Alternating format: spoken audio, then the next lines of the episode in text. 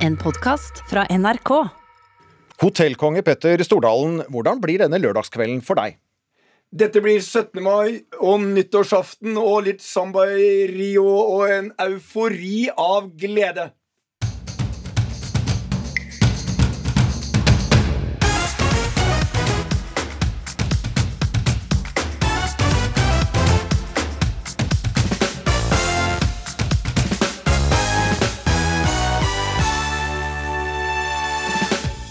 Det blir full gjenåpning av Norge fra i ettermiddag.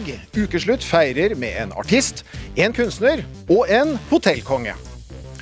På mandag ble en Nav-ansatt i Bergen drept på jobb. Maja sluttet i Nav etter å ha sett sin kollega bli drept med kniv. Hvorfor skal man jobbe en jobb man eh, har oppfatta som utrygg, og så blir bli liksom belønna fra samfunnet med en sånn mistro og sinne, da? Og frykter du, som Jenny Jensen, strømregningen til vinteren? Det verste blir å få mannen til å kle seg mer enn i shorts og hawaiiskjorte inne, sier artisten som satser på å kutte i strømforbruket. Velkommen til ukeslutt denne lørdagen. Jeg heter Vidar Sem og blir med deg de neste to timene. Og på en dag som denne. Norge åpner igjen altså, og danserytmene må på plass. Nå er tiden kommet. Nå skal vi tilbake til en normal hverdag. Statsminister Erna Solberg på pressekonferansen i går, en historisk sådan, for om fire timer så gjenåpner Norge etter pandemien. Det betyr blant annet at vi kan gå ut og danse, sitte tett og ikke tenke på énmeteren. Ukeslutt sendte reporter Synnøve Svabe ut til nærmeste polkø for å se om folket nå er klare for feiring og fest. Du har sikret deg to gode flasker rødvin. Det har jeg. Ja. Fordi landet gjenåpnes. Det er dette jeg skal feire. Du skal feire det. Det Du skal jeg kunne gjøre. ikke vente, men kastet deg inn. Ja, vi begynner med en gang. Ja, du gjør det. Ja. tenker det er helt fantastisk. Jeg har en uh, musserende hjemme som jeg har tenkt å ta. Så man må jo feire. Ja, Ligger på kjøla allerede. Den den nå. ligger allerede på kjøla. Jeg har hatt korona selv og holdt på å dø av det. Lå på intensivavdeling på respirator i åtte dager, fire uker på sykehus. Så det var tøft nok. Ja, så det er noe å feire. Jeg hørte Erna hadde sagt hun skulle hjem og trene på moves. Skal ut og danse? ja, det vet jeg ikke, men nå er det tid for oss å trene på moves, for nå kan du gå ut. Sitter de hos deg? Eh, med uh, musa, mener du? Nei, ikke Nei, nei. Mu Musa. Musa, ja. Eh, ja, jeg tror kanskje de gjør det enda. Ja. Hva er det du går, pleier å gå for på dansegulvet? Uh, det blir jo mest sving, tenker jeg. Ja, jeg tror det kommer til å bli veldig sånn, føles nesten som du gjør noe ulovlig når du plutselig står mange samla i et tett rom og skal på dans. Jeg tror det blir litt rart da, men uh, man må jo bare ut og sjekke det ut, da, tenker jeg. Ut og sjekke dansingen igjen. Eh, Artist Mia Gundersen, velkommen. Ja, tusen takk. Blir det dans på deg i kveld? Ja, altså, jeg har allerede begynt å danse, jeg. Ja. Ja, jeg danser meg inn i dusjen, og jeg gjør meg klar for kvelden. For den store kvelden. Ja. Hva skjer for din del? Jeg skal ut øh, og spise sammen med ei venninne, og så skal vi ta kvelden sånn som den kommer. Og vi skal sitte tett innpå folk, for jeg vet den restauranten er fullstappa. Blir det litt kyss, klapp og klem, eller? Gjett om det blir. Jeg skal, jeg skal kysse og klemme så mange som mulig. Hotelleier og investor Petter Stordalen, velkommen til deg også. Tusen takk. Ja, det er knappe fire timer til full gjenåpning. Er du i festrus? Altså, jeg har ikke vært så klar på eh, snart to år som jeg er til å feste i dag. Og vi skal klemme til på The Hub eh, rett før klokka fire. Ha nedtelling. Full gass. Inn i baren. Og jeg skal fylle den baren så full som den aldri har vært. Og eh, for meg er det sånn Folk er klare, Mia. Altså, de er klare for å feste. De har vært innestengt en lang periode. Det er en generasjon unge mennesker som nå er fulle av energi, og det skal ut. Oi, og her, oi, her smeller det er ballonger og spellbonbonger i studio. Men altså midt i festing her og i gruppeklem eh, på The Hub, Petter Stordalen. Altså, litt alvor her. Og da, fortsatt er jo folk syke med covid-19 eh, innlagt eh, på sykehus. Så, så hvorfor må det salutteres så kraftig da med, med gruppeklem og eh, ja? Jeg tror det er kanskje viktigere enn noensinne å eh, møtes, festes, klemmes. Fordi alt dette som ble tatt bort fra oss no, eh, Bransjen fikk næringsforbud, vi kunne ikke møtes. Vi har glemt, vi kunne ikke reise fra Oslo til Trondheim. Det, nå er det, Vi er alle omtrent vaksinerte, eller dobbeltvaksinerte. Vi kan gå ut og vi kan trygt klemme hverandre, ha det fint. Og så skal vi selvfølgelig passe på alle de som er utsatte grupper, og de. Men vi må la alle de andre få anledning til endelig å møtes. Ja da, for altså, Assisterende helsedirektør Espen Rosbud Nakstad er jo senest i VG i dag ute og sier at pandemien er ikke over for alle. Eh, Ja, så hva med litt måtehold, da? Kan det bli en baksmell? Jeg tror ikke det blir baksmell. Husk, vi har sett hva som skjedde i Danmark. Nakstad var bekymret der også. Smittetallene faktisk falt etter gjenåpningen. Og jeg tror det samme skjer. Det er så stor vaksineandel nå, og Nakstad han har jo egentlig vært bekymret uh, i uh, over 18 måneder. Så han kommer sikkert til å være bekymret fremover også. Men basert på det vi har erfart, ingen grunn til bekymring. All grunn til å glede seg. I dag skal vi feste som det ikke var noe morgendag. Og Mia skal kysse som bare det. Ja, jeg skal, ja, men vet du hva? Jeg har, eh, jeg har hatt covid nettopp, jeg. Og jeg, jeg er fullvaksinert. Så det at det, det, vi, vi skal ta noen forbehold, det skal vi. Men jeg er jo litt heldig, da, for nå er jeg så immun som det går an å bli. Så det er noen som kommer til å få kjenne meg i kveld. Ja. Du har fått den ekstra boosten. Eh, kunstner Aune Sand, eh, du er med oss fra Kristiansund. Eh, Du lar vel aldri en god fest gå fra deg. Er eh, champagnen på kjøl? Først vil jeg bare si at jeg har en dyp respekt for Espen Nakstad. Han er en fantastisk mann og har ledet oss gjennom en eh, situasjon for Norge som har vært eh, veldig, veldig vanskelig. Eh, vår familie eh, feirer gjenåpningen med pop-opp-utstilling i magiske Kristiansund. I gågata så har vi bilder vi viser fram. Og det å komme til Kristiansund, kanskje det vakreste stedet i Norge, er som en enorm forløsning. Jeg vil nesten si at det er som en sterk orgasme. Her ler Mia Gundersen godt. altså. Du er jo en proff, Mia, på både rød løper og champagneåpninger. Eh, Men er du blitt litt rusten på mingling og dansing? Ja, faktisk. Jeg var eh, på et, en fantastisk eh, jentefest her på torsdag. Og jeg hadde på meg høye hæler. jeg vakla. Det var Altså, jeg fikk kramper. Jeg måtte bare få de av. Det er så lenge siden jeg har hatt høye hæler på. Jeg må øve meg opp igjen. Petter Stordalen, da. Uten høye hæler, men eh, dansemoves. Altså, eh, i, jeg, jeg, I dag skal alle danse, eh, og da får de danse med de eh, movesa de har. Eh, mest av alt skal vi møtes, og vi skal, vi skal glede oss i dag. Men da har du blitt litt rusten, du, du også, på mingling? Nei, jeg har vært heldig, for jeg har eh, mingla med avstand eh, de siste jeg, jeg, jeg, eh, Fordi jeg fulgte eh, hva som skjedde i Danmark, og eh, så visste vi at det kom til å gå mot åpning. Så vi har ligget i trening, hotellene våre er klare. Og jeg vet når vi kommer på Hub i dag, så kommer det til å være masse mennesker utafor der. Vi har musikk, og vi skal klinke til. Og da sier jeg bøkka heie hæler, det er bare å komme. Alle er hjertelig velkommen. Vi skal fylle den baren klokka fire. Jeg kommer. Det er bra, Mia. Til kyssklapp og klem. Gjett om! Du må bare tenk på alle de artistene som Mia, som nå i halvannet år ikke har kunnet utøve det de, de, de elsker. Tenk på alle konsertene. Tenk på alle, alt det som skal ut nå. Jeg, jeg spår det er The Roaring Twenties som kommer tilbake. Tidenes julebordsesong. Og vi så en ting. Konferanser, møter. Det eksploderte i går. For nå vil folk møtes. Nå har de sittet på hjemmekontor. Jeg er dritlei av afterwork på Zoom og hangout. Jeg er ferdig med meksikansk aften. Jeg er ferdig med alt. Nå vil jeg møtes live. Vet du hva? Akkurat det du sier med konserter.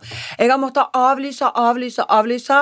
Og jeg måtte utsette pga. covid, men nå kommer endelig sammen igjen eh, konsertene mine med Espen Hanna. Ikke sant. Og dere, vi har jo med en til på festen. Aune Sand fra Kristiansund. Blir du i godt festhumør av å høre Mia og Petter her fra studio? Jeg tenker at dette er eh, en dag også for ettertanke, og vi skal tenke på barna våre.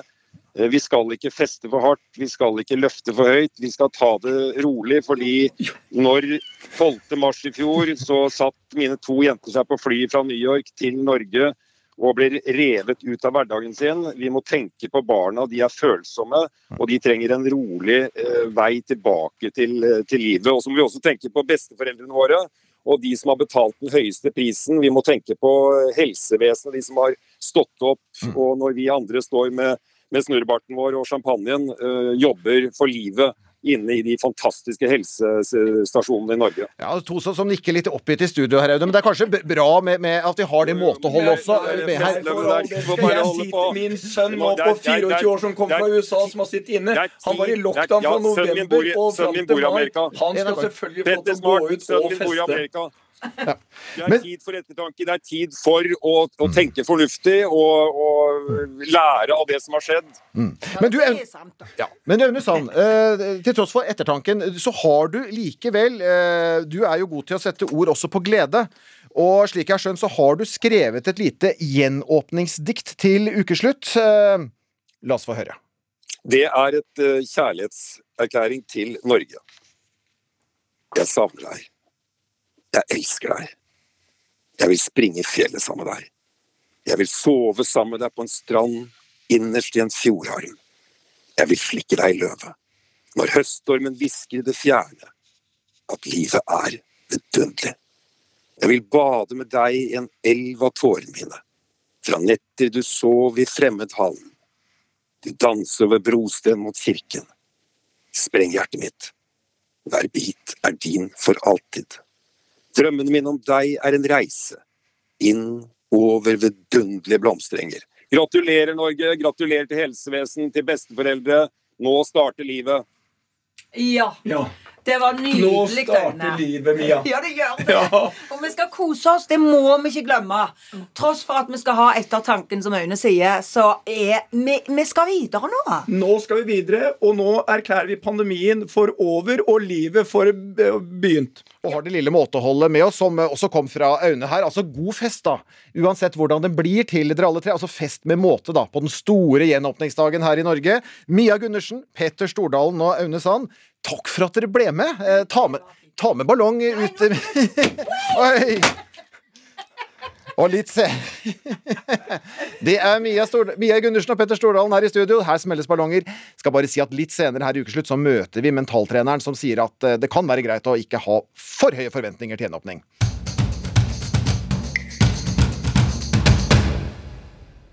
Mandag denne uken drepte en Nav-bruker en kvinne og skadet en annen med kniv. Begge ansatt på et Nav-kontor i Bergen. Allerede samme kveld kom diskusjonen om hva som kan gjøres for å bedre sikkerheten for de ansatte.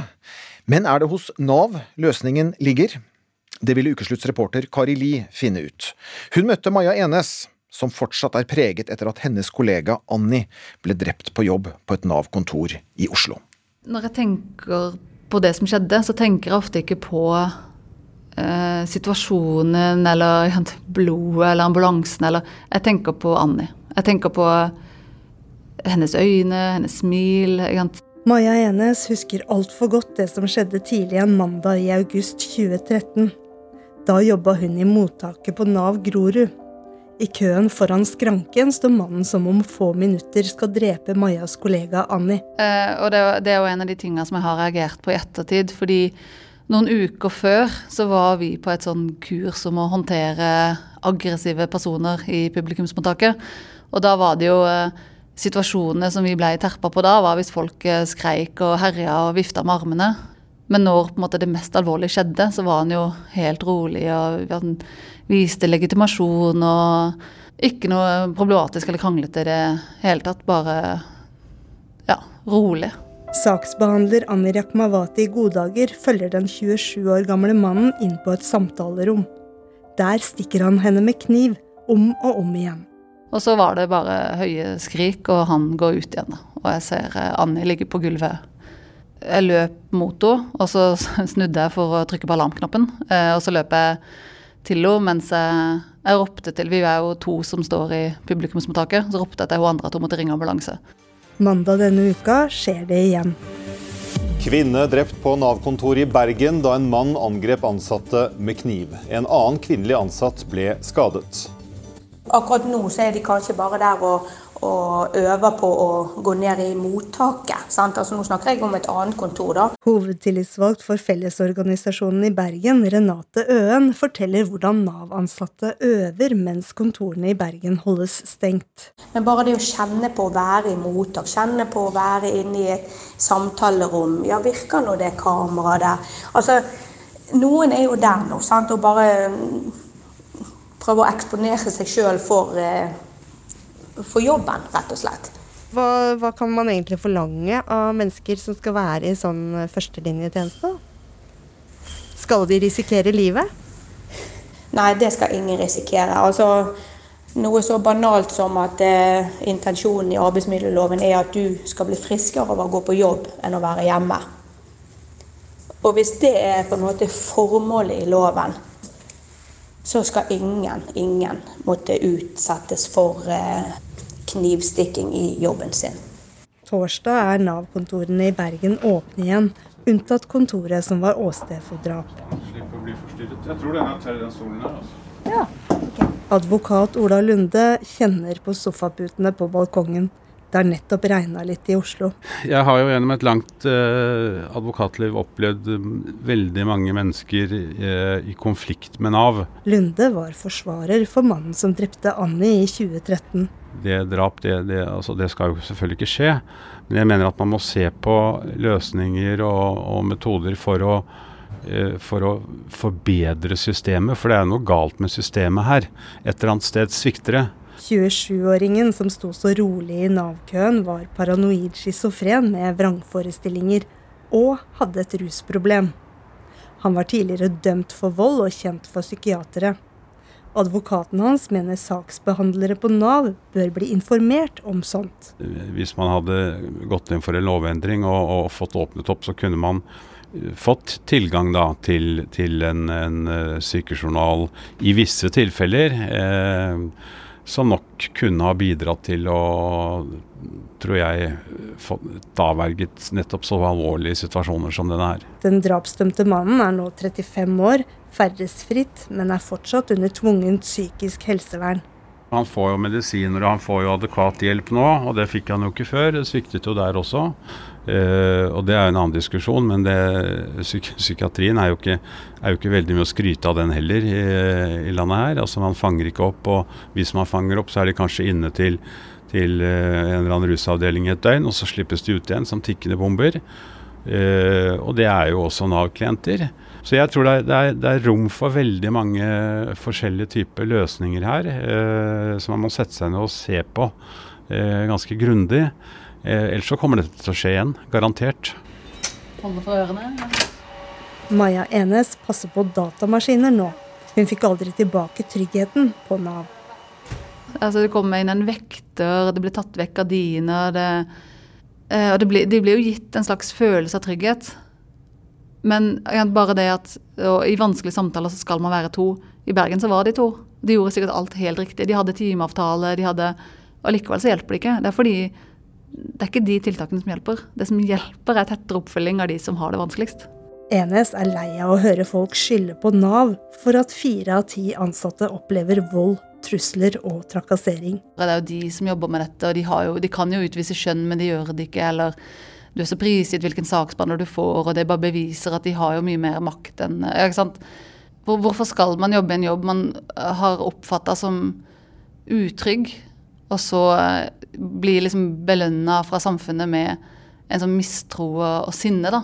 Det er ikke noe vits å være idealist når alle bare spytter på det. Hvor ofte tenker du på det som skjedde? Eh, det går i perioder. Jeg gikk rundt og hadde sånn mentale samtaler med Annie. Kom litt ut av det blå, og det varte i et par måneder. Jeg bare, jeg holder jeg på nå å liksom miste forstanden? Han, han gjerningsmannen altså Han er på en måte bare irrelevant. Det som er viktig, er at Annie ikke lever lenger. Denne uken skjedde det igjen på et Nav-kontor i Bergen. En kvinne ble drept, og en annen ansatt ble skadd. Og Nav-direktør Hans Christian Holte, Maja sluttet i Nav etter å ha vært vitne til drap på en kollega. Hun fikk aldri tryggheten tilbake. Hva sier du til henne, og eventuelt andre av dine ansatte som ikke tør mer? Jeg har veldig stor forståelse for at mange er utrygge nå, rett i etterkant av det som skjedde i Bergen, og også fikk utrygghet etter det som skjedde på Grorud i 2013. Så vi har jobbet mye med sikkerheten og, og tenker på hvordan vi kan skape trygghet siden 2013. Men det er klart at en slik hendelse den eh, sender sjokkbølger gjennom hele organisasjonen vår. Ja. Og eh, det skjer altså igjen, til tross for at man har jobbet med sikkerhetstiltak. Eh, Altså pleksiglass, vektere og to ansatte på vanskelige møter, det holdt ikke i Bergen. Ja, hvorfor har dere ikke vektere med metalldetektorer eller annet som kan avdekke f.eks. kniver? Det som vi vel har eh, både forskning på og tenker er riktig, er at det å pansre og lukke inn Nav mest mulig er ikke nødvendigvis den beste løsningen, av to grunner. For det første så er det sånn at vi ser at konfliktnivået kan øke når man setter inn veldig mange sånne fysiske sperrer. Eh, Og for det andre så er det klart at vi skal jo også gjøre jobben vår, møte alle disse som har behov for Nav i ulike sammenhenger. Så det vi leter etter, og det vi trenger å, å samarbeide godt også med andre om, det er en, et åpent Nav, men som også kan være trygt for de som jobber der. Og I en kronikk i Aftenposten i går så skrev du at eh, kompetanse hos Nav-ansatte må eh, inneholde og identifisere farlige situasjoner tidlig. Vi hørte i reportasjen her om en Nav-klient som opplevdes som rolig inntil gjerningsøyeblikket. Eh, Altså, Hvorfor skal Nav-ansatte klare dette bedre enn f.eks. sakkyndige fra psykiatrien, som kan bruke lang tid for å fastslå om noen er psykotiske? Ja, et veldig godt eh, spørsmål og perspektiv, syns jeg. Fordi det er klart at dette eh, strekker seg utover Nav. Det dreier seg om for det første at mange i førstelinjen i andre deler av det offentlige også er utsatt. F.eks. barnevern, psykiatri osv. Og så tror jeg at noe av løsningen her, når vi går inn i dette, det må også dreie seg om samarbeid mellom ulike deler av det offentlige. F.eks. som jeg hørte tidligere i reportasjen her, at de som har eh, kjennskap i psykiatrien, og de som jobber i Nav, at det kan i noen tilfeller være mulighet å, å ha bedre oversikt over eh, personer som er i, er i en labil tilstand og kanskje en, også kan være en risiko. Ja. Det tror jeg eh, selvsagt også utfordrer f.eks. personvernet. Men når vi nå tenker på det som skjedde i Bergen, så er jo personvern i ytterste forstand det er jo faktisk å beskytte de menneskene som også jobber f.eks. på Nav. Mm. Så der, dermed er du enig altså med advokaten da, til mannen som drepte en Nav-ansatt i, i Oslo i 2013 på et Nav-kontor der, eh, som altså mener at saksbehandlere bør få tilgang til eh, sykejournalen til klienter i, i visse tilfeller. Nå er det veldig tidlig etter dette som skjedde i Bergen, sånn at vi har ikke noen eh, godt grunnlag for å trekke konklusjoner etter akkurat den hendelsen. Men jeg tror nok at det er viktig at vi ser både på hva vi kan gjøre mer eventuelt for å trygge sikkerheten i Nav, men også eh, ser at dette dreier seg om mer enn bare hva som foregår på et Nav-kontor. Ja. Så ja, jeg tror nok vi må det. Ja, og vi hører jo at det som etterspørres her, er altså tettere oppfølging av Nav-klienter som sliter eh, psykisk. Hvor ligger ansvaret for at vi skal unngå at det som skjedde på et Nav-kontor i Oslo for åtte år siden, og på et Nav-kontor i Bergen denne uken, ikke skjer igjen? Jeg tror det ligger eh, både hos meg og ledelsen i Nav, og det ligger også andre steder. Altså at vi må som sagt se på dette eh, samarbeidet. Jeg tror at tettere oppfølging er et stikkord, men det er jo også det muliges kunst når det er eh, mange som hver enkelt veileder f.eks. skal følge opp eh, på et Nav-kontor. Så et samarbeid med helse, eh, det er et stikkord som jeg tror er viktig for, eh, for videre arbeid med dette. eh, Og det er flere som nok eh, kjenner på et ansvar i dag for det som skjedde. Og så får vi håpe at ord blir handling. Takk for at du ble med i Ukeslutt, Nav-direktør Hans Christian Holte.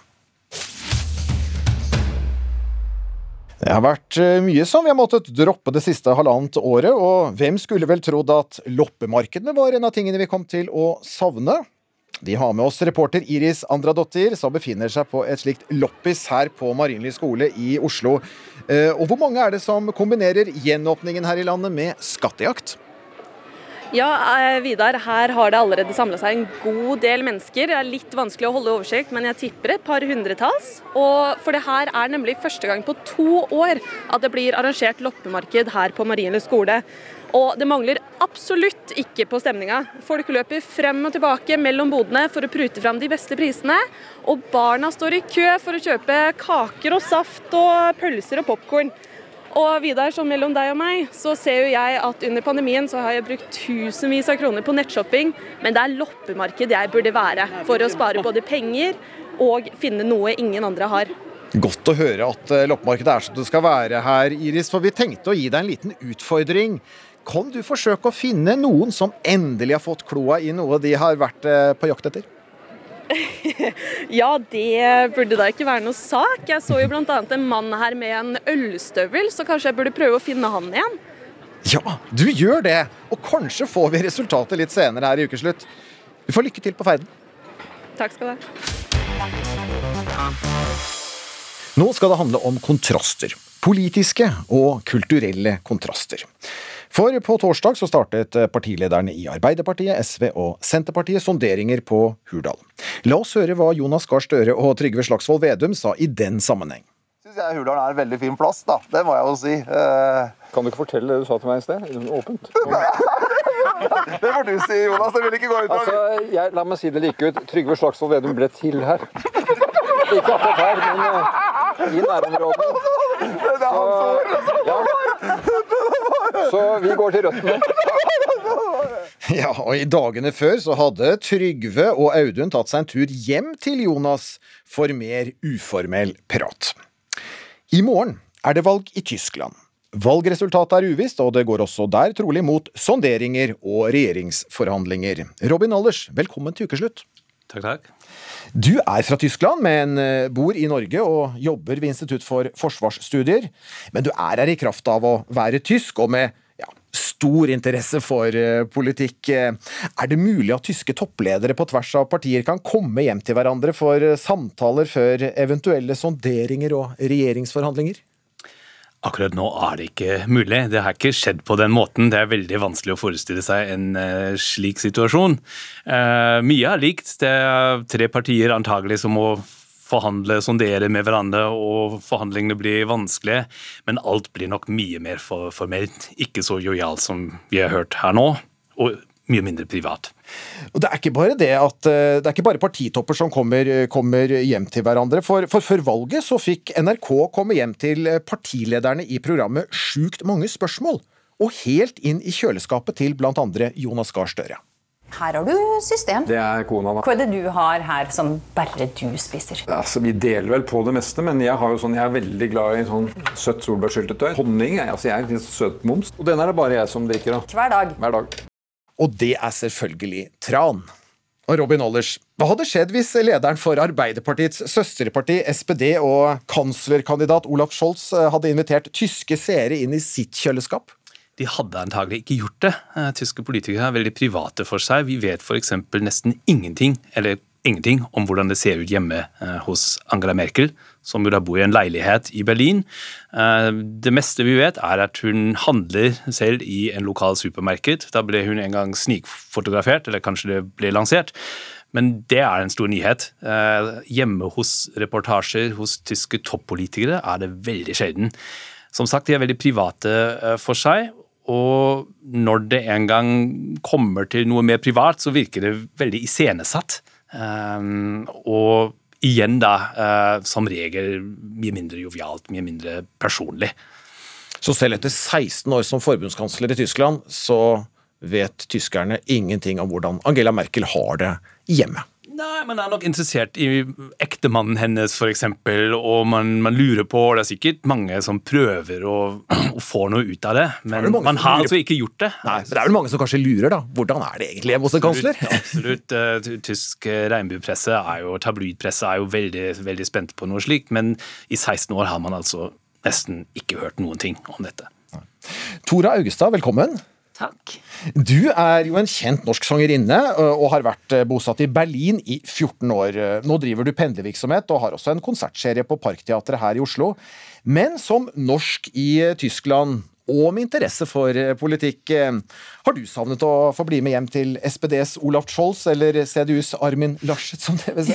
Nei, det, det har jeg ikke savnet i det hele, hele tatt. Det, det, er liksom en helt annen sånn saklighet i Tyskland. Man, man forholder seg til dem som politikere, og, og, forholder seg til dem som yrkespersoner, og ikke personligheter.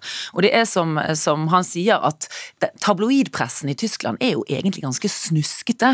Så de vil heller liksom gå etter disse slagersangerinnene og se hvordan de lever. men, men politikerne blir på en måte litt beskyttet. Det kan jo være at det er litt sånn som kongehuset vårt, at vi på en måte respekterer at de har en posisjon. Selvfølgelig er ikke politikere i Tyskland som et kongehus, men fordi man ikke har et kongehus, så blir de likevel viktige på et Altså, de får en respekt. Men vi har fått vært hjemme hos kongen og dronningen? Ja, fordi de byr på det, og fordi det er en del av den norske stilen hvor man liksom skal vise at man også er vanlig. Jeg tenker at det er en annen, en annen distanse mellom politikere og, og vanlige folk i Norge. En mindre distanse, distanse kanskje.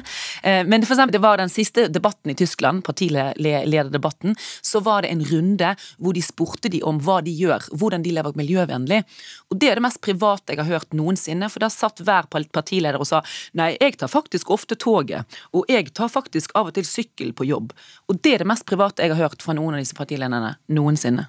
Ja, eh, man kan jo tenke at noen, noen er i ferd med å endre seg, men, men, det skjer veldig gradvis, og som sagt, det virker ofte litt iscenesatt. Vi hadde en, eh, en av de lederne for uh, Miljøpartiet De Grønne i, i, i Tyskland, som, som da uh, stilte i fjor med en reportasje hvor han ble blant hester og, og la seg ned og, og snakket med dem og, og, kom litt nær dem. Og, det ble en stor sak hvor folk diskuterte hva ville han med det. Var det noe uh, han skulle oppnå med å være så privat.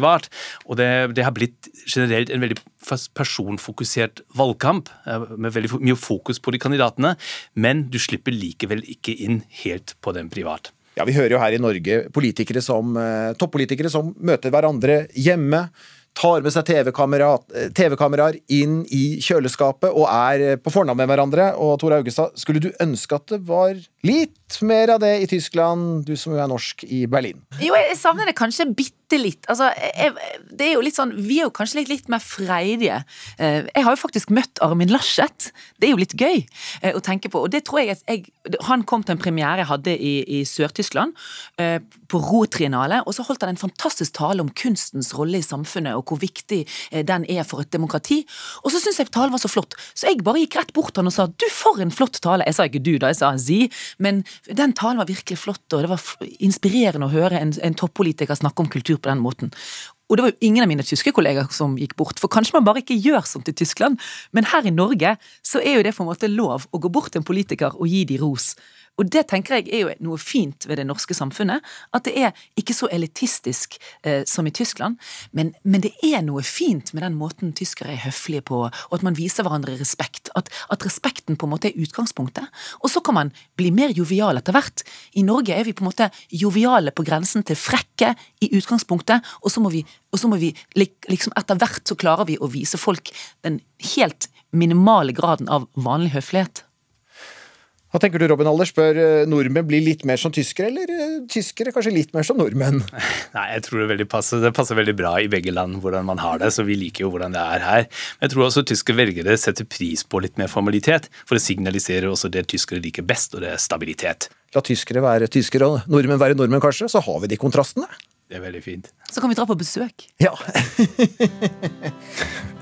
Ja, takk for at dere ble med i Ukeslutt. Robin Allers, som er tysk og bor i Norge, og Tora Augestad, som er norsk og bor i Tyskland.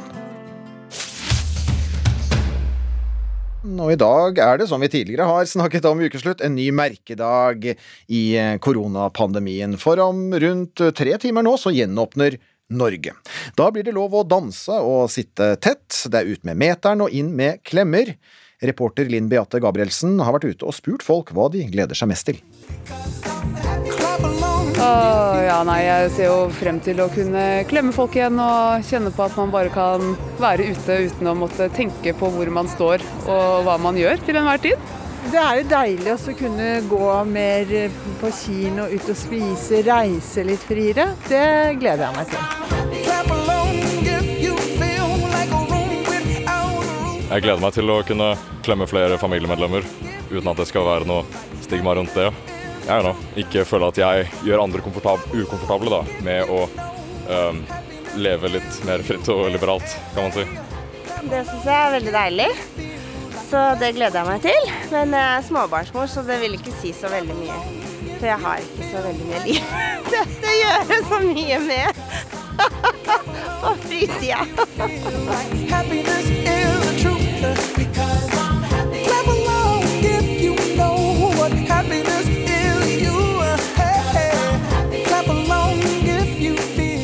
Ja, Mye å se frem til der for folk som vi var ute og traff på, på gata. Og eh, Erik Bertrand Larsen, du er mentaltrener og har podkasten Bertrands univers. Eh, Om bare få timer så skjer det altså eh, en gjenåpning, full gjenåpning. Men hvordan kan vi som har levd i en unntakstilstand i halvannet år, best forberede oss på en normal hverdag? Ja, jeg, det, er jo, det, det er jo glede, dette her, først og fremst. Altså, jeg tror jo veldig, jeg tror de aller, aller fleste kommer til å takle dette her veldig veldig fint. Eh, Den, den tøffeste overgangsfasen var jo fra normal til en pandemi. Så den overgangen vi står foran nå, den er nok mer lystbetont, og den vil nok gå bra for de aller, aller fleste, tenker jeg da. Eh, Så det er liksom utgangspunktet. Men er det lurt å tenke at ja, nå er det over? Ja, den, Der er jeg litt sånn todelt. Um, en del av meg sier at må, nå må vi tørre å være glade. Nå må vi tørre å feire. Nå må vi tørre å være stolte av at vi har stått i dette her. Uh, og så er det en annen del av meg som sier at mm, det er fortsatt en pandemi, vi kan fortsatt bli syke. Det, vi, må, vi må fortsatt være litt vare. Og hva om det kommer en, en ny greie rett rundt hjørnet? Så liksom, En del av meg sier at nå må vi tørre å feire. og det er Vi, vi mennesker som på generell grunnlag går rundt og frykter litt for mye. Eh, Jeg syns alltid det er inspirerende å møte mennesker som er happy go lucky og tar en dag av gangen og smiler mye. Um, Men samtidig så jeg personlig tenker at jeg, jeg, jeg holder nok litt igjen, og, og anbefaler kanskje det også til flere. at uh, Gjerne vær glad, og gjerne grip uh, de fine nye mulighetene som nå igjen kommer tilbake. Men samtidig være liksom sånn Man skal være litt sånn mentalt forberedt, tenker jeg da, på at livet slår og nye pandemier kan komme. Så, så, så jeg er litt todelt der, men der må liksom den enkelte gjøre seg opp en mening, tenker jeg da. På spørsmål fra en journalist så ga statsminister Erna Solberg og helseminister og helse- og omsorgsminister Bent Høie hverandre en klem på gårsdagens eh, pressekonferanse. Er det en eh, viktig symbolhandling? Ja, det, jeg likte det. Jeg, liksom, jeg, jeg tenker faktisk litt sånn 8. mai 45. Det, det må være lov å Selv om ikke vi kan sammenligne dette her med de harde krigsåra, mener jeg, så, så, må det være lov å, å, å gi, gi, gi, sterke symboler på at nå har vi stått igjennom noe sammen som vi kan være stolte av. Litt eh, frigjøring altså på en dag hvor eh, gjenåpningen skjer for fullt. Men selv eh, om det skjer nå om noen få timer, og selv om smitten er synkende i hele landet, så er det også noen av de vi snakket med uh, ute, uh, som uh, er bekymret over at Norge nå åpner igjen. Bare hør her. Nei, altså, det, det, er jo ikke borte. Det er jo det som er litt ubehagelig. Man vet jo liksom ikke helt hva som kommer til å skje. Gleder meg til at det åpner, men samtidig fare for spredning. Jeg tenker at de burde vente litt med det, egentlig. Ja, fordi smitten øker i visse bydeler og sånn, så vi vet jo jeg syns det er litt tidlig. Ja. Hvordan tror du det blir? Jeg tror det blir mer smitte. En ny smittebølge. Det er jo fortsatt uh, folk som ikke er vaksinert, så ja. Så egentlig burde vi tenke litt mer, også, spesielt på de eldre og de som er mer utsatt. Og, sånt. og vente litt med åpning. Ja, det er fortsatt bekymring å spore her, mental, mentaltrener Erik Bertrand Larsen. Hvilket råd har du til de her som vi traff? Ja, det, altså jeg forstår jo det, og det er jo naturlig. Vi mennesker har på generell grunnlag veldig mye frykt i oss. Altså, Vi mennesker ønsker det forutsigbart fordi livet slår uansett. Vi vet bare ikke når. Så Sånn sett så er vi utrolig glad i vanene våre og rutinene våre. og Da er det jo interessant at når vi har vært i unntakstilstand nå, så blir vi på en måte eh, komfortable i det. Vi blir glad i det, for da er det relativt eh, forutsigbart i at vi har disse reglene. Så jeg, liksom mitt innspill er jo at, eh, at man må utfordre litt den frykten, altså. Altså Frykt er én ting, men, men rutiner som vi har eh, innarbeidet er også noe annet. Og det at vi i halvannet år har hørt at dette viruset er potensielt farlig. Vi skal holde avstand, ikke klemme eller håndhilse. Blir dette borte mentalt også, med et, ved et trylleslag? Ja, det er, det er interessant. Det, det, det, det, lurer jeg litt selv på. Altså. Kommer vi til å fly mindre? Kommer vi til å bruke å si, Zoom og, og, disse hjelpemidlene i større grad? Kommer vi til å holde naturlig litt avstand fra hverandre? Tenker vi oss om to takter når vi nyser? Jeg, jeg har nok sagt hele veien disse, i denne pandemien at vi mennesker kommer nok til å gå ganske raskt tilbake til gamle rutiner. Hva gleder du deg mest til? Det, det, skal bli godt å kunne gi klemmer i større grad og, og møte de aller, aller nærmeste, eh, sånn som vi gjorde før. Det, jeg blir nesten rørt når jeg sier det. Det, det blir godt. Gode klemmer der eh, fra og til Erik Bertrand Larsen, mentaltrener. Takk for at du ble med i Ukeslutt. Tusen, tusen takk. Så skal vi tilbake til Marienlyst skole i Oslo, hvor bare et av mange loppemarked her i landet nå bugner over av folk og ting. Og reporter Iris Andradottir, vi hørte noe om en, noe om en ølstøvel i sted. Ble det det, eller har du fått tak i noen andre skattejegere? Du, Han med ølstøvel har nok eh, dratt fra stedet, men som jeg sa, så var det ikke noe problem å finne tak i noen andre. Jeg står altså utafor klær- og tekstilboden nå, sammen med Lars Jørgen Soghus. Og Lars Jørgen, fortell meg, hva er det du har funnet i dag? I dag har jeg kjøpt en veldig fin rød damesykkel med kurv. Og hvor lenge er det du har vært på utkikk etter en rød damesykkel med kurv? Ja, det er, det er, den, det er kun i dag. Så du kom opp hit på loppemarked for å ikke finne deg en sykkel, men Ja, jeg var egentlig på utkikk etter et, et, belte. Jeg har mista beltet mitt tidligere i uka, så da tenkte jeg det var på fint å få tak i et nytt et. Ja, det er jo kanskje litt av sjarmen med loppemarked, at man egentlig aldri er på utkikk etter det man tar med seg hjem. Men fikk du pruta deg fram til en god pris? Ja, jo, for så vidt. Jeg fikk med den kurven. Den sto egentlig på en annen sykkel, men den fikk jeg da pruta over på min sykkel. Så her blir det altså gjort gode kjøp, Vida, på Marienlyst skole. Veldig bra ut med den sykkelen. Har du selv klart å finne noe, Iris? Eh, du, nei, jeg eh, har egentlig sett for meg å ta med meg en stol hjem. Men eh, den trenger jeg hjelp til å bære på. Så eh, det er litt usikker på om eh, den blir med meg hjem eller ikke. Men føler du deg fortsatt ikke helt habil når det kommer til å finne skatter blant mye skrot, så skal du nå få møte hun som har kjøpt brukt siden hun var tolv år gammel. Velkommen til deg, Camilla Harbu Bileki. Tusen takk.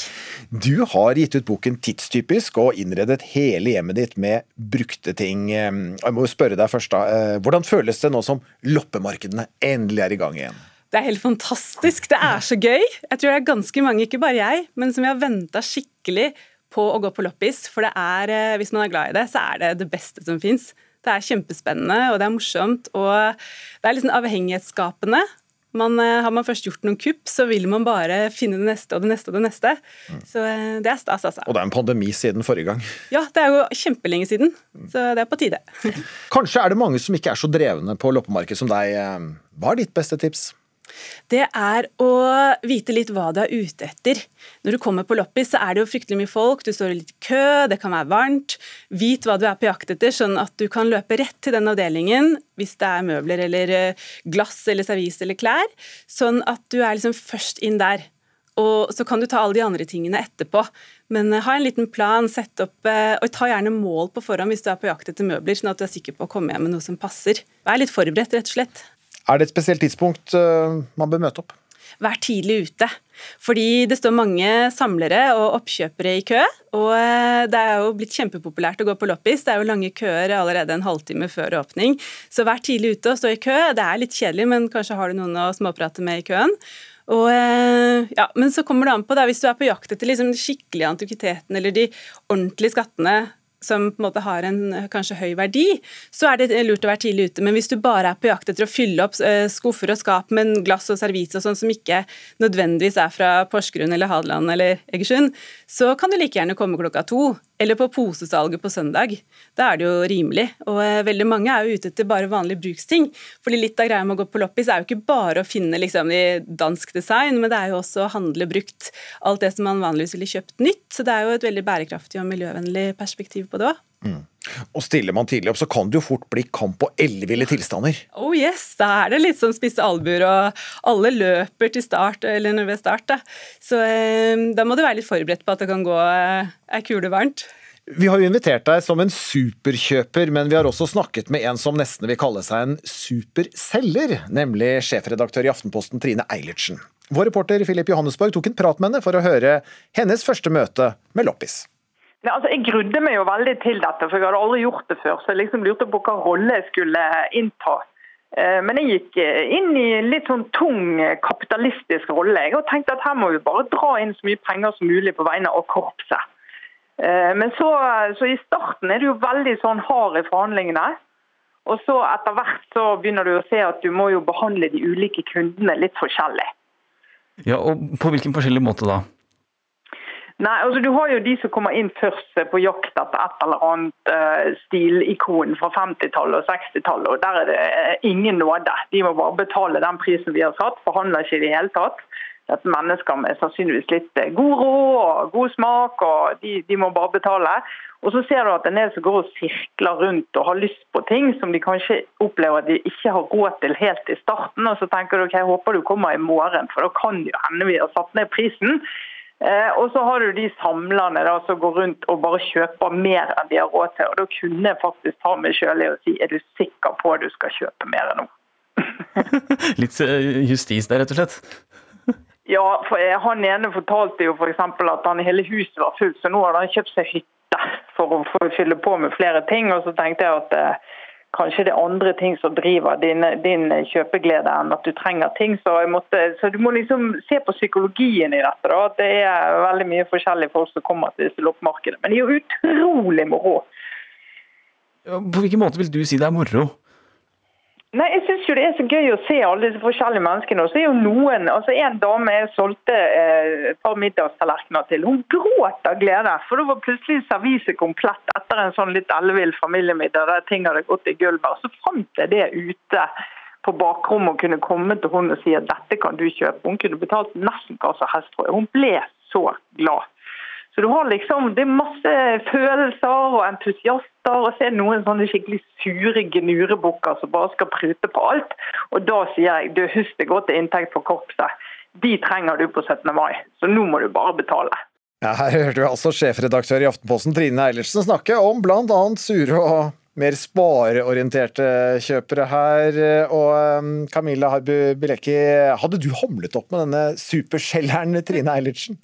Jeg hadde nok kanskje prøvd å prute litt, for det syns jeg jo det skal være rom for på loppis. Men man må jo huske på, som hun sier også, at det går til et godt formål. Og så skal man eh, prute med et smil og ikke forvente at alt koster fem kroner. Men det er jo et forhandlingsrom også når man ser på tingenes tilstand. Er det f.eks. som hun sier, en populær 50-talls lenestol, men den krever full omtrekking av møbeltapetserer og fiksing av treverk, så må man jo også ta med det i betraktning da, når man blir enige om pris. Har du fått prutet mye gjennom alle dine år som loppekjøper? Jeg pruter alltid. Prøver i hvert fall. Ja, får du det til? Ja, jeg syns det. Og så ender man kanskje på en pris eh, midt imellom. Mitt forslag og da selgers forslag. Eh, Men jeg syns at det er en del av det er liksom en del av loppekulturen. Men som sagt så må man jo være litt sånn fornuftig og tenke at eh, det er jo ikke som hun sier, at, sikkert at man får det til ti kroner, men man skal jo betale litt. Men det skal være en fornuftig pris som begge er fornøyd med. Hva er ditt aller beste kjøp? Det, jeg har jo gjort så innmari mange kjøp, gode kjøp siden jeg har vært på så mange loppiser, men jeg var jo ganske glad da jeg fant en dansk pH-lampe til 15 kroner. Den eh, lå nedstøva i en pappeske under et bord, og selgerne omtrent bare kasta den etter meg fordi de syntes det var noe ræl. Så eh, da var jeg ganske glad når jeg gikk til bilen og bare ja. For dette er en dyr lampe? Det er en dyr lampe. Den koster fort noen tusenlapper hvis du skal kjøpe den ny. Men det er jo gøy synes jeg, å finne de gamle originale eksemplarene da, som har levd en stund, med litt patina. Så det, er, det var artig å finne.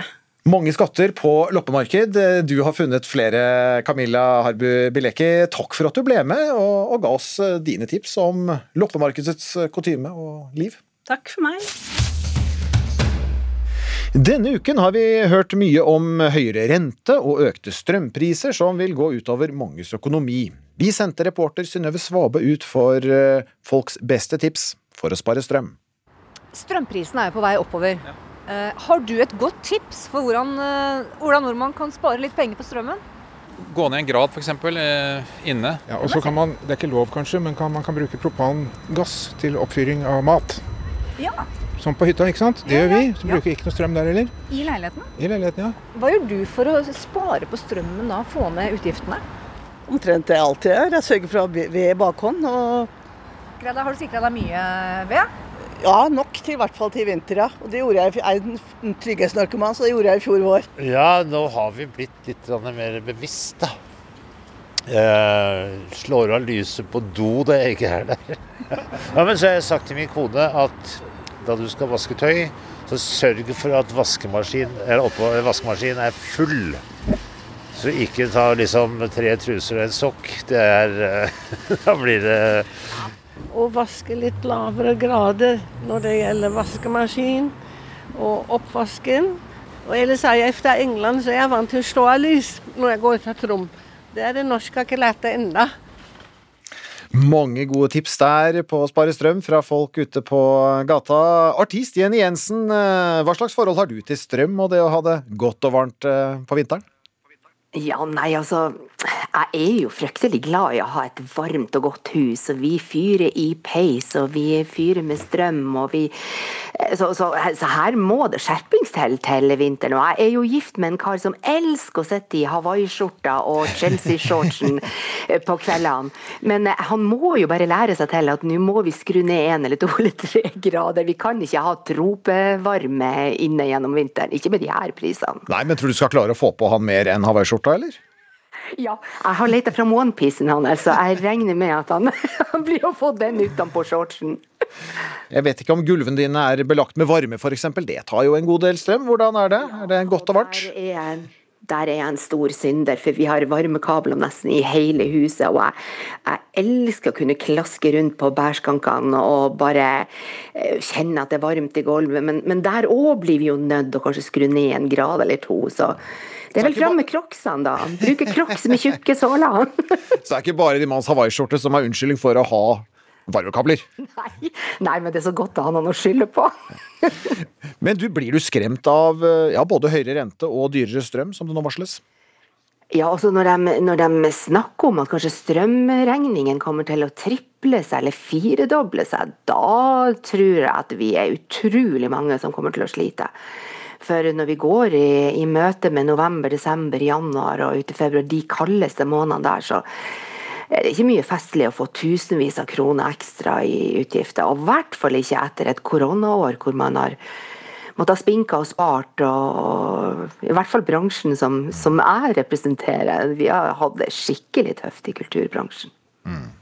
Gaute Grøtta Grav, eh, vært programleder for Farmen en årrekke og forfatter av boka Nevenyttig. Hvor opptatt er du av å ha det godt og varmt hjemme? Du er i hvert fall veldig glad for at strømmen har kommet for å bli. Fordi at å leve som for 100 år tilbake i tid uten eh, tilgang til strøm og varme, det unner jeg faktisk ingen. I hvert fall ikke et kaldt land som Norge. Og der har du Eh, erfaringer. Masse erfaringer med det. Eh, Det å vaske klærne sine sjøl, som Jenny snakka en del om, det anbefaler jeg heller ikke å gjøre. Så jeg er veldig glad for at vaskemaskiner fins. Men jeg har gjort en masse research på det her, for jeg er sånn som går veldig grundig til verks eh, for å finne ut hva er myte og hva er fakta. Og jeg hørte på innslaget han eh, gamle karen som sa at uh, da måtte fylle opp vaskemaskiner og sånn. Og det, det er ikke der han sparer mest penger, for det koster to kroner å kjøre vaskemaskiner. Tørketrommelen derimot koster over ti kroner å kjøre. Og har du tenåringer i huset som barrikaderes inne på badet, så begynner du å snakke dyre spa-behandling, altså, for det koster ei krone i minuttet, minst nå, når eh, dusjen går. Og hvis strømregningen går opp da, så kan du begynne å snakke mange, ja, faktisk 50-60 kroner dagen, da, hvis en hel familie skal drive og dusje ti minutter hver. Ja, hva med Jenny Jensens varmegulv? Du, akkurat dette med varme gulv er veldig kjekt, fordi at hvis du er varm på føttene, så kan du faktisk tåle å ha litt kaldere i rommet. Så det å ha litt varme på gulvet og heller tenke at romtemperaturen er litt lavere, og ikke se på gradestokken om det er 21 eller 19, eh, så vil du oppleve det som mye mer komfortabelt så lenge gulvet er varmt. Men er gulvet kaldt, så må du gasse opp temperaturen i resten av rommet for å helt tatt kompensere for det. Fordi trekk på føttene, det er kjempedyrt. Dette var vel et godt tips, eh, Jenny? Å gud, jeg ble så glad for å høre det. Yes, yes, jeg ble superglad. Og så tenker jeg på det her med, med klesvask, eh, det med tørketrommel. Vi har anskaffet oss det gode, gammeldagse tørkestativ som vi kan ha stående inne. Og da henger du opp klærne til tørk inne. Og de tørker jo fort, og det lukter godt i huset. Og så sparer man òg klærne for en tørketrommel. Det sliter ganske mye på klærne. Så det er en vinn-vinn-situasjon hvis du bare orker å henge dem opp. Ja, God kles kleslukt i huset, er det noe for deg, Gaute? Ja, jeg er helt enig. og dette, Når en har mye små unger, sånn, så kan det være vanskelig å ha nok klesstativ eh, til å dekke heil, alle behovene. Men jeg er helt enig. Det å ha klesstativer gående det er gratis, eh, og det er kjempebra. Eh, men tørketrommelen er jo en veldig sånn god venn i nøden, spesielt for småbarnsfamilier. da. I tillegg så har jeg kjørt en sånn varmestyring i. Eh, rart, jeg er sånn som er sånn gammeldags type som liker å hogge ved og alt sånt der, men, men det å ha smart varmestyring, sånn at eh, varmepumpen skrur seg av når det er dyre eh, strømpriser f.eks., det ser jeg at de har spart en del penger på allerede. Mm. Tilbake til klesvasken og henge opp. Det er jo ikke alle som har tre etasjer da, Jenny Jensen, til å, å henge opp overalt. Nei da, det er klart. Men der er jeg òg smart, for at jeg har alle klesstativene oppe i tredje etasjen, for vi har mye åpne løsninger. Og varmen stiger oppover, så da tørker klærne mye fortere. Så det er superdupert her i huset. Men hva stenger han etasje, da? Det er litt vanskelig når det er så mye åpne løsninger, når hele hallen er åpen og helt opp til tredje. Så man, vi har vært inne på tanken om det går an å montere noen skyvedører og sånne ting, men nei, det er jo liksom en del av sjela i huset at det skal være åpent og ja. Og eh, Gaute Grøtta Grav, du, du nevnte det her. Du er glad i å, å hugge ved. eh, Ja, men er det for alle? Du, hele familien vår er glad i å hogge ved. Fatter'n driver og hogger ved akkurat nå, faktisk, eh, og jeg har gjort det i flere uker allerede. Og det er så fint med, med veden, er at den varmer så mange ganger. Først når du hogger den, og så når du skal ha den inn i låven, og så når du bærer den inn i huset igjen. Eh, Og vi har et sånn religiøst forhold nesten til noen av vedkubbene mine som er sånn Det her er sånn ekstra fin, så de må spare litt til jul, sant? for det er flotte, fine vedkubber som har brukt mye tid på, mens andre er mer sånn ordved som du bare kan bruke til hverdags. Men eh, sier du at jeg er jo heldig som har tilgang til skog, da. Men sånn som Norge nå, som bare gror igjen, så er det jo faktisk ganske fint å tenke på at du kan nesten snakke med hvilken bonde du vil, tror jeg, skogeier du vil, så får du tilgang til ved hvis du har lyst, da. Men det er jo et prosjekt i seg sjøl, dette med vedhogst, så jeg skjønner at ikke alle bare tenker at nå skal vi hogge litt ved. Det er ikke alle som har vedovn lenger heller. Ja, Jenny Jensen, hva med å gjøre som Gaute her og hugge veden selv? Ja, altså faktisk så har vi gjort det, for vi hadde litt opprensking i hagen vår, så vi hadde noen sånne svære sånne hengebjørker, og vi måtte jo, altså, måtte jo ha lift for å klare å få det her ned. Og det tok vi vare på, og det har vi, vi lånt hos nabo, naboen sånn eh, vedklyver, så vi har stabel her med egenprodusert ved. Og jeg, jeg ble liksom bitt av besillen nå når han Gaute sier at det er litt sånn hellig over det, så kanskje jeg skal gjemme de kubbene der til, til jul, eller til førjulstida og til jul. Så det var et godt råd. Godt tips der. Juleveden, altså. Dere, lykke til da med strømsparing og med vedfyring. Artist Jenny Jensen og programleder og forfatter av boka Nevenyttig, Gaute Grøtta Grav. Ansvarlig Philip Johannesborg. Teknisk ansvarlig Eli Kyrkjebø. Jeg heter Vidar Sem. Ha en fortsatt riktig god helg. Du har hørt en podkast fra NRK. Hør flere podkaster og din NRK-kanal i appen NRK Radio.